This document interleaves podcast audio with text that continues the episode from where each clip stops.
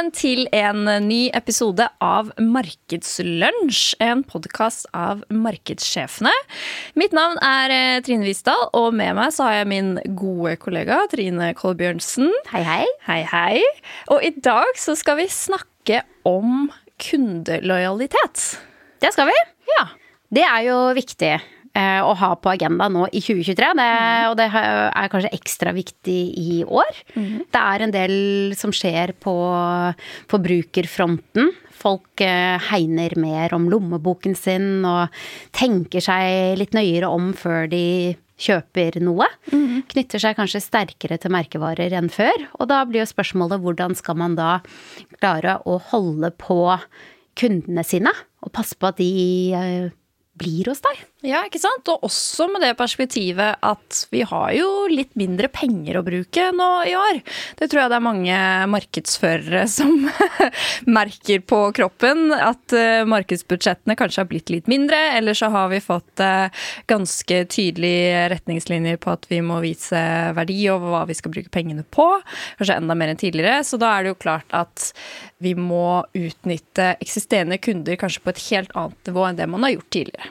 Ja, og så er det jo mer og mer snakk om lønnsomhet. Hvordan bidrar markedsaktivitetene til lønnsomhet? Og der er jo noe kundelojalitetsprogram, eller lojalitetsprogram som det også kalles, veldig viktige bidragsytere. Det er lett å, eller lett i hermeteiken, da, det å måle effekten av det, og faktisk se hvordan det fører lønnsomhet på, på bunnlinja. Mm. Så det er, det er, gode grunner til å begi seg ut på det her. Og så skal vi jo selvfølgelig gi dere noen flere argumenter og eksempler underveis i dagens episode. Men jeg har lyst til å begynne med ett eksempel. Ja. Eller en statistikk som Bain Co. har gjort undersøkt.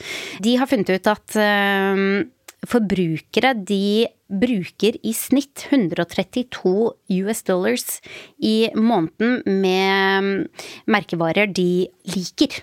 Altså som de digger. Ja. Eh, sammenlignet med eh, 71 dollar i måneden eh, med de som ikke er like store fans. Så hvis du klarer å få til en emosjonell tilknytning, så kan du faktisk øke forbruket, eller inntjeningen per kunde, ganske drastisk. Og det kan man jo da gjøre med et godt lojalitetsprogram, hvor man klarer å skape begeistring hos kunden. Ja, det er ganske interessant, faktisk. Så er det jo også Opinion, da. En av mine favoritter når jeg skal holde meg oppdatert på markedstrender. De har jo spådd flere store forbrukertrender for 2023, men de har også en spesiell som jeg tenker er relevant på det her, som de kaller klikk og vent. Og jeg, og jeg trodde du hadde skrevet feil i notatene, for jeg har hørt om klikk og hent, men ikke klikk og vent. Nei, ikke sant. 2023, da er det klikk og vent, med V altså, som gjelder. Og det er en trend som preges av at forbrukerne er litt uh, smartere. De er alltid på jakt etter en god deal. Og mange har på en måte gjort det da nesten til en hobby å lete etter det best mulig pris og best mulig tilbud. Så nå kikker man mye. Blitt en kikker. ja, litt da. men ikke altså nødvendigvis kjøpe men at man liksom kikker litt. Ok, hvor er det beste tilbudet? Hvor kan jeg få en ekstra bonus? Og før du faktisk gjør kjøpet ditt, da. Så både handlekraften og handlelysten er på en måte litt svekket. Det er jo en trend man har sett lenge. Eh, Føler du deg litt truffet av denne trenden, Trine? Har du litt sånn derre handlekurver her og der? Ja, absolutt. Ja, mm. ja altså, for jeg, jeg, oppdaget ved en tilfeldighet dette klikk og vent-konseptet. Jeg hadde noen handlekurver her og der, og så gikk jeg inn etter sånn to uker, så bare oi, halvparten av klærne her var på halv pris. Veldig flaks. Så det er nok flere og flere som erfarer. Og Klarna de har jo også en funksjon på det her. De har blitt fortalt at de har blitt mer og mer opptatt av å tilby det kundene er på jakt etter nå av informasjon, og det er jo da blant annet prisvarsel varsel som har blitt veldig viktig. Og disse prisjakt.no og alle disse prisvarslingstilbudene har også blitt uh, veldig viktige. Mm. Ja, ikke sant? Så hvis man prøver å knytte dette da med, med Klarna og opp mot klikk og vent-trenden, hva har egentlig det med kundelojalitet å gjøre? Så handler det jo om det at hvis man kan skape da kundelojalitetsprogrammer som gjør at uh, kundene går til deg, fordi de vet at hos deg får de alltid den laveste prisen. Fordi du har uh, produktene de har lyst på, og de vet at hos deg har de handlet tidligere, der ligger det allerede en bonussjekk som venter, eller de vet at de alltid får x prosent avslag på det neste kjøpet. Så sikrer du dette gjenkjøpet også hele tiden, da, så folk ikke blir klikk og vent nødvendigvis på dine sider, men at de faktisk gjennomfører kjøpet. De blir klikk og kjøp. De blir klikk og kjøp. Ja. Men som i alt innenfor markedsføring markedsføring så fins det jo trender mm -hmm. på det her. Antavo Global Customer Loyalty Report jeg melder om tre trender i 2023. Vil du mm. dra oss gjennom de? Ja, de har jo tre trender som de har pekt på, da. Eh, det første er revamp of customer loyalty programs. Det vil da si at de ser en veldig tydelig trend på at veldig mange selskaper går nå og tar en kikk på kundelojalitetsprogrammene de har i dag, og ser ok, hva kan vi gjøre for eh, at dette kan bli enda bedre, eller hvordan kan vi videreutvikle det. Det er jo typisk at man kanskje går fra å kun i anførselstegn Stein ha et uh, kunderealiseringsprogram hvor du har uh, samlet inn uh, kjøp og kanskje bare noen få kundedata, til å se hvordan du kan bygge dette enda bredere for å samle inn enda mer kundedata. Dette henger jo også sammen med Anfa sin rapport, hvor 48% av bedrifter i Norge faktisk har sagt at de vil investere mer i typisk kundeprogramaktiviteter som e-mail og SMS i 2023. 48% det mm. er ganske høyt. Det er ganske høyt. Ja. Så det blir mye SMS og e-mail fremover. Ja, og da, eller warning, warning, ikke bruk den for mye, for det har vi noe tall på også som vi ikke har akkurat her. Men det var visst ikke så populært å få altfor mye SMS-er, så det må man kanskje bruke med varsomhet. Ja. Trend eh, nummer to er jo det at man legger til andre type rewards da, og customer impact i programmene sine. Så det handler ikke kun om at hvis du kjøper dette, så får du denne rabatten neste gang, men det handler om å dytte kundene dine i retninger som eh, du syns er viktig for din merkevare. F.eks. at du vil at de skal gjøre valg som er eh, mer miljøbevisste. Kanskje du skal gjøre valg som er mer kvalitetsbevisste. Rett og slett gjør sånn at kundene dine kan tjene poeng ved å ta andre typer valg. F.eks. at man kan eh, levere inn klær, eller man kan levere inn medisiner og få ting tilbake. Og sånne ting. Da ser man en, en trend til at flere og flere bedrifter ser på dette som muligheter i programmene sine. Altså, det er jo noe utover bare det å, å, bruke penger hos noen, men du styrer kundene dine muligens inn mot et samfunnsoppdrag, som du har definert, som vi snakket om med Kjartan i forrige episode. Mm. Så her er det muligheter for uh, tada, da har vi det med merkevarebygging, som vi har i hver episode, men der kom den. Og det er jo kjempefint å kunne dra inn her òg. Mm. Absolutt. Og så den tredje trenden handler jo om måling. Altså at det er veldig veldig mye mer fokus på det om å måle ROI og KPI-er i kundeprogrammet. Og det skal vi jo snakke om enda mer i neste episode. Med gjesten vår. Med gjesten vår. Ja, eksperten vår på kundelojalitet. kunde lojalitet. Ja, men det handler jo da om å sette tydelige mål, og da hvordan man eh, kan måle de for å vise til konkrete resultater. Nettopp. Det var en annen ting, det var jo tre trender. Når jeg leste meg opp til denne episoden, så kom jeg over noe som heter customer lifetime value. Mm. Altså hvor mye er en kunde verdt i hele sitt livsløp hos deg? Det er et viktig tall å ha et forhold til. For før så var det jo veldig mye snakk om hva koster det å få eh, anskaffe en kunde, og hvor mye koster det å beholde en kunde. Men nå er det dreiningen går mer og mer mot ok, men hva er verdien, totalverdien av en, en kunde? Du må ha, ha et tall på det her, hva som er potensialet. Det er da du begynner å virkelig skjønne verdien av et lojalitetsprogram, og hvorfor det er viktig å ha. Og her syns jeg jo egentlig at flybransjen har vært ganske gode lenge. De har jo hatt uh, disse lojalitetsprogram, bonus- og opptjeningsprogrammene sine. Og de har, har, dratt dette over i at man f.eks. kan, uh, hvis du er del av det og det lojalitetsprogrammet, så kan du få lov å boarde først. Eller du kan få dra i loungen. Eller du kan Lenge siden jeg har vært ute og flydd, jeg husker ikke hva man kan gjøre på fly lenger, men du kan i hvert fall få en del prioriteringer hvis du er med i et program. Og det kan faktisk bidra til at en forbruker er villig til å betale f.eks. 500 kroner mer for en flybillett hos deg enn hos konkurrenten, fordi man får de godene. Koster kanskje ikke deg så mye mer som, eh, som selskap, men inntjeningen er ganske, ganske høy. Og da, jo, da begynner du Det er lite, en liten del av dette regnestykket med hva som er uh, customer lifetime uh, value. Men det er, det er, jo veldig interessant å tenke på at hvis du har et godt lojalitetsprogram, så kan du faktisk ta mer betalt fra en kunde, fordi du tilbyr dem en verden som er interessant å være del av. Mm. Nei, eh, du nevner jo flybransjen, og jeg syns jo SAS har vært helt ekstremt gode der. Det er jo veldig mange som bruker dem, i hvert fall når de skal reise i, eh, altså med jobb. Så er det jo ofte der man eh, får disse sølvkortene eller gullkortene sine, og alle fordeler som er knyttet til det. Og så er det jo noe med det at det, det er ikke det at kundene nødvendigvis bruker alle disse fordelene hver gang heller, men du vet at muligheten er der, da. Ja, og det er jo blitt en egen sånn eh, en stamme, nærmest. Det er jo en gigantisk Facebook-gruppe som mm.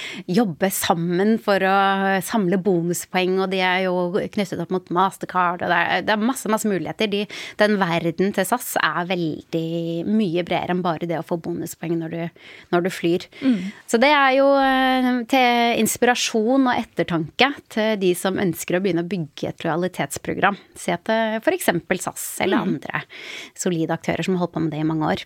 Ja, men da har vi jo snakket litt om eh, hvorfor dette her er noe vi bør ha fokus på, da. Så da er på en måte spørsmålet er jo da ok, hvordan er det vi kommer i gang med det her? Det første man må bestemme seg for, er jo selvfølgelig hva skal innholdet være i vårt kundelojalitetsprogram? Hva skal konseptet være? Brandingen? Alt sånne ting. Man må jo, akkurat som man, når man bygger en strategi, så må man jo gå og se hvordan er vår eh, kundereise? Hvordan kan eh, lojalitetsprogrammet integreres inn i dette? Hvilke kundedata er det som kan gi deg eh, verdi? Hvilke kundedata er det som er viktig for deg? For det er jo veldig mye av det det handler om. ikke sant? Hvordan skal man få samlet disse kundedataene inn gjennom et lojalitetsprogram, og så få benytte seg av det igjen for å gi de best mulige fordelene? Og når dette da på en måte er eh, Altså hele strategien rundt er satt, så handler det jo også om selvfølgelig hvordan skal det implementeres, hvilke mål skal vi sette oss, og hvordan skal det da måles? Kan altså skyte inn at kommunikasjon er jo veldig veldig viktig mm. inn i et kundelojalitetsprogram. Vi snakket om innhold, konsept og branding. Og så må du jo, når du har disse kundedataene gjort den innsiktsjobben, så må du jo begynne å finne ut hva er driverne her. Hvordan skal vi kommunisere med kundene våre for at det skaper begeistring og, og, verdi for mm. kunden. Så jeg slår et lite slag for kommunikasjon inn her også, da. Ja, og så handler det om dette earn and burn. Ja, det høres ut som det er en satstime. jeg blir sliten bare av å høre om det. ja, det er litt sånn gøy, fordi eh, det er alltid stammespråk i markedsføring, og det er det selvfølgelig innenfor lojalitetsprogram også, så earn and burn må man bare lære seg med en gang hva er. Ok, ja, give it to me. Earn handler om altså hva eh, kunden må gjøre da, for å tjene disse poengene eksempel. Hva, hva, er det du vil pushe kunden din til å gjøre for å skape en endring i oppførsel? Hva skal de gjøre for å tjene mer? Vil du at de skal kjøpe mer? Vil du at de skal gi fra seg informasjon om seg selv? Vil du at de skal eh, gjøre mer miljøbevisste valg fordi det styrker din merkevare? Altså, hva er det du vil at de skal eh, rett og slett gjøre for å ørne? mm. Ja, kjøper den. Det er ja. ingen mening, det. det handler jo om hva er det de får tilbake. Skal de rett og slett få bonussjekker, eller skal de få andre ting som er, har en verdi for de, som gjør at de faktisk tar disse actionene da, som gjør at de får noe tilbake. Nettopp. Earn and burn, da har vi lært det en gang for alle. Mm -hmm. Er det andre ting man må ha fokus på når man bygger dette programmet? Ja, altså Ifølge Marketing Evolution da, så er det fire ting som er viktig å tenke på når man skal bygge, eller når man skal vurdere sitt lojalitetsprogram. For det er jo mange som ikke sant, allerede har startet litt, men kanskje har lyst til å se hva skal de gjøre videre for å gjøre det enda bedre. Så det første de snakker om, er jo det med provide attainable rewards. Altså at det skal være enkelt for forbrukeren å tjene poeng, og det må føles på, hvis det føles uoppnåelig, så gidder de ikke. Det handler om at uh, den derre instant gratification som man hører mye yeah. om i sosiale medier, uh, at det skal være um, enkelt og det skal være relevant uh, for at, å skape denne lojaliteten, da. Jeg kjøper den, altså. For jeg, det er jo når man er rundt og handler ting eller er del, del av forbrukerverden, og så får man en pling om at man har tjent noen poeng eller sånt. Det er jo en sånn bitte bitte liten boost akkurat her og da. Ja, det gjør det. Og så kanskje at du gjør, tjener det uten at du tenker så mye over det. da. Mm. Det bare blir en sånn uh, reminder. Mm. Så snakker de også om det med gamify your loyalty program, altså gamification. Du kan jo introdusere forskjellige nivåer eh, og badges for å skape engasjement og gjøre det enda enklere for kundene å forstå hvordan de da kan nå neste nivået. Da kan du jo på en måte ha da, bronse, sølv og gull og så er det veldig sånn yes, jeg vil opp på gullnivået, for der vet jeg at alt dette ligger. Ja, sølvkort og eh, gullkort og diamantkort eh, hos SAS, det er vel et eksempel på akkurat det. Ja, ikke sant? Eller liksom uh, ulike badges, da. Eller så kan du rett gjøre, kikke mot uh, appen Hold, altså den norske appen, hvor du hele konseptet egentlig er et lojalitetsprogram. Det at når du, altså Poenget deres er jo at du ikke skal holde på med telefonen din. Oh, ja. Så når du legger telefonen din ned, så begynner en uh, klokke å gå. Og hvor lenger du klarer å ikke kikke på den, hvor mer premier får du. da. Og da kan du få alt fra liksom uh, kaffekort på Narvesen til uh, en iPhone, da, hvis du lar den ligge veldig, veldig lenge. Oi, oi, oi, jeg vet hvilken app jeg skal laste ned nå. Ja, Det høres kjempegøy ut!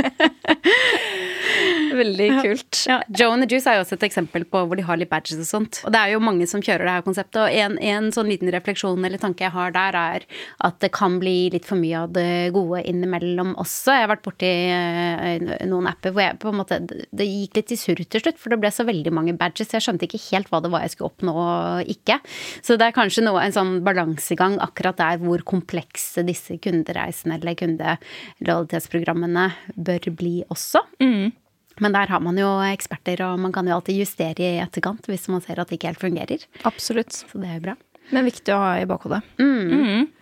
Så er det jo det med å offer personalized rewards. Altså det handler jo om at uh, du skal bruke kundedataen på god måte, så det du på en måte tilbyr, da, er personalisert mot akkurat den kunden. Mm. Uh, typisk uh, Hei, jeg ser at du har handlet hos oss flere ganger, og at du liker disse matvarene, så derfor gir vi deg kuponger på akkurat dette. Coop er jo et kjempegodt eksempel der. Ja. Enig. De er veldig, veldig gode. Ja. Der kan man, kan man, også vel bytte ut kuponger med andre ting hvis man vil det til en viss grad.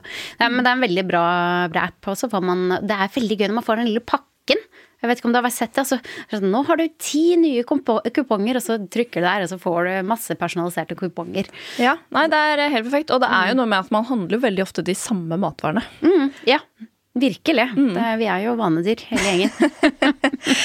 og den siste handler jo om å sant, bygge merkeverdi med opplevelser er jo noe man også kan gjøre. Ikke bare gi de ting eller penger eller bonus, men at du faktisk kan gi opplevelser for å skape enda høyere lojalitet. Da. Eh, Northface har jo eh, gjort dette ved at eh, kundene deres kunne tjene poenger med selvfølgelig da, kjøpe produkter, eller at de kunne delta på eh, sånne medlemskvelder i eh, butikkene deres. De kunne sjekke inn på spesielle lokasjoner og sånne ting ved å bruke appen. Og så fikk de, hvis du fikk nok poeng, så fikk du lov til å dra til Nepal for å dra på fjellklatring. Å, dæven. Ja. Det hørtes ikke dumt ut. Nei, og ikke sant, perfekt mot deres målgruppe. Ja, ja. Fordi eh, det sikter seg jo veldig mot eh, trening, aktivitet, friluftsliv. Og da er jo dette selvfølgelig en eh, type aktivitet som deres medlemmer har kjempelyst på. Ja, og da får de jo også bygget sikkert noe community innenfor det her også, som jo er et annet aspekt man kan få til via et eh, lojalitetsprogram. Mm, og igjen, ikke sant, bygge merkevaren sin ved at de kjenner medlemmene sine og tilbyr noe som andre merkevarer ikke tilbyr. Mm er kjempebra. Mm. En annen måte å bygge denne communityen innenfor kundelojalitet er jo Deloitte har gjort en undersøkelse hvor 57% av forbrukerne var mer lojale til merkevarer som faktisk hadde et fokus på eh, sosiale ulikheter mm. og ja, passe på at eh, man fikk fram likhet mellom alle, da. At man ikke diskriminerte.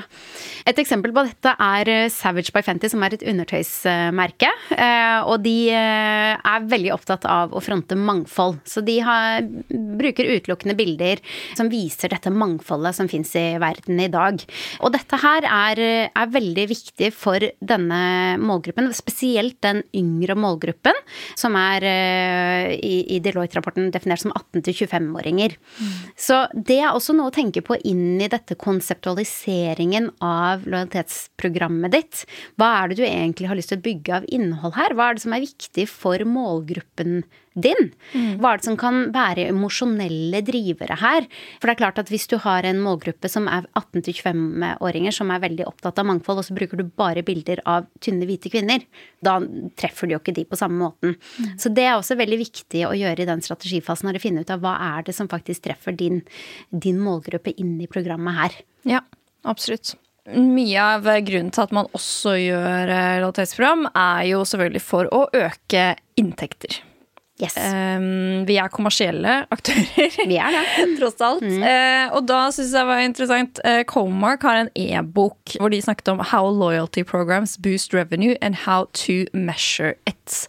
Selve målingen skal vi jo komme tilbake til neste episode, men litt eksempler da på hvordan du kan på en måte booste revenue gjennom lojalitetsprogrammer, er jo bl.a. ved å introdusere frekvensutfordringer. Deres eksempel var um, kaffesjapper, hvor du på en måte kan se at ok, du, kunden min kjøper tre kopper kaffe hver uke. Eh, gir det en utfordring til å kjøpe den fjerde for kanskje en litt lavere pris, og så får du da økt inntekt for det, selvfølgelig. Eh, jeg ser jo også Sats er jo sånn typisk frekvensutfordrer. Hver gang hvis du har vært Eh, der en eh, gang og trent, så er det alltid sånn Får du en sånn eh, push notification nesten idet du går inn på senteret og har skannet, så er det sånn Yay, kjempebra! Når skal du komme hit neste gang? Å, oh, det hørtes slitsomt ut, men også veldig motiverende. Ja, sikkert for noen. så, ikke sant, men hele tiden passe på at um, utfordre frekvensen og få folk til å bruke det mer og mer, ikke sant. En annen ting er jo produktanbefalinger. Det er jo nettbutikker eksperter på. Det der med at 'hei, jeg så du kjøpte dette, har du sett dette produktet?' Som er ganske likt, og som alle andre som er lik deg, også kjøper. Mm. Er jo også en veldig eh, enkel eh, taktikk. Så er det det med personlige meldinger. Det å kunne på en måte sende en personlig melding om at hei, du, eh, vi ser at du har vært så godt medlem hos oss i det siste. Her er en eksklusiv rabatt kun for deg Trine. Oh. på dette eksklusive produktet. ikke sant? Og da blir man jo veldig positiv ved at dette er en personlig melding til deg, og kanskje benytter seg da av dette supereksklusive tilbudet. Mm. En annen ting eh, de også drar fram, er jo selvfølgelig det med bedre kundeservice. Altså Lojalitetsprogram gjør jo at du får mer kundedata, og har også da mulighet til å hjelpe kundene dine enda bedre eh, når de først har et problem. Og da er det jo også også dra inn et uh, morsomt funn fra Forest Research. Sier jo faktisk at bedrifter som bruker bl.a. livechat aktivt som kundeservice, oppnår 10-15% høyere omsetning per handlekurv enn konkurrenter som ikke gjør det. Yes. Det er ganske mye. Ja. Lurer på det, hvordan kostnaden blir da, kontra, altså hvor mye tid man bruker kontra hva inntjeningen blir. Det er jo et regnestykke man må gjøre, da, selvfølgelig. Ja, og i mm. hvert fall da hvis man uh, etter hvert begynner å bruke roboter til dette her, mm. så uh, blir jo Sett kostnaden mindre. Sett ChatGPT på saken. Mm -hmm. mm. da vet jeg ikke om man fortsatt kan uh, gå på 10-15% Vi får se. Og det siste er jo da vervekampanjer, som veldig mange bruker fortsatt. jeg så blant blant annet eh, jeg fikk fleisen i dag tidlig, så fikk jeg beskjed om at eh, hvis jeg vervet venner til Talkmore, så kunne jeg spare 500 kroner på neste mobilfaktura. Oi, yes. Ja, ja. Nei, men vervekampanje skal ikke kimse av en god gammeldags vervekampanje. Neida. Det er jo, dette er jo historiske fenomener som eh, har blitt brukt i, og utviklet over mange år. Så av og til kanskje man skal gå helt tilbake til basics. Vi har eh, ikke Vi kan jo ikke sitte og snakke om dette i timevis.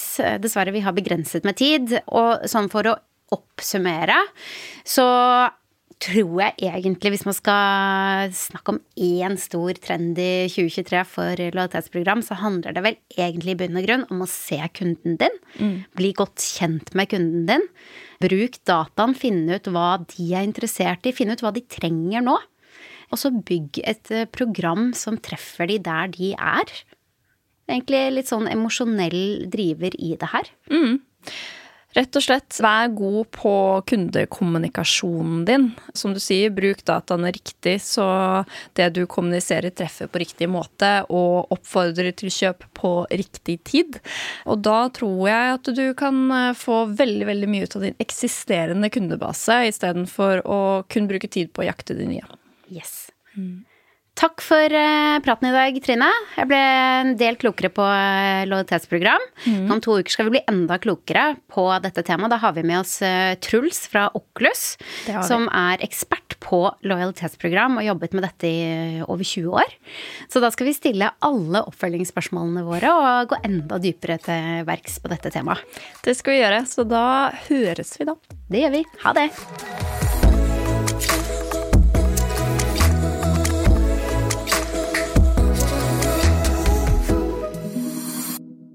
Denne podkasten er produsert av Freemantle Podcast for markedssjefene.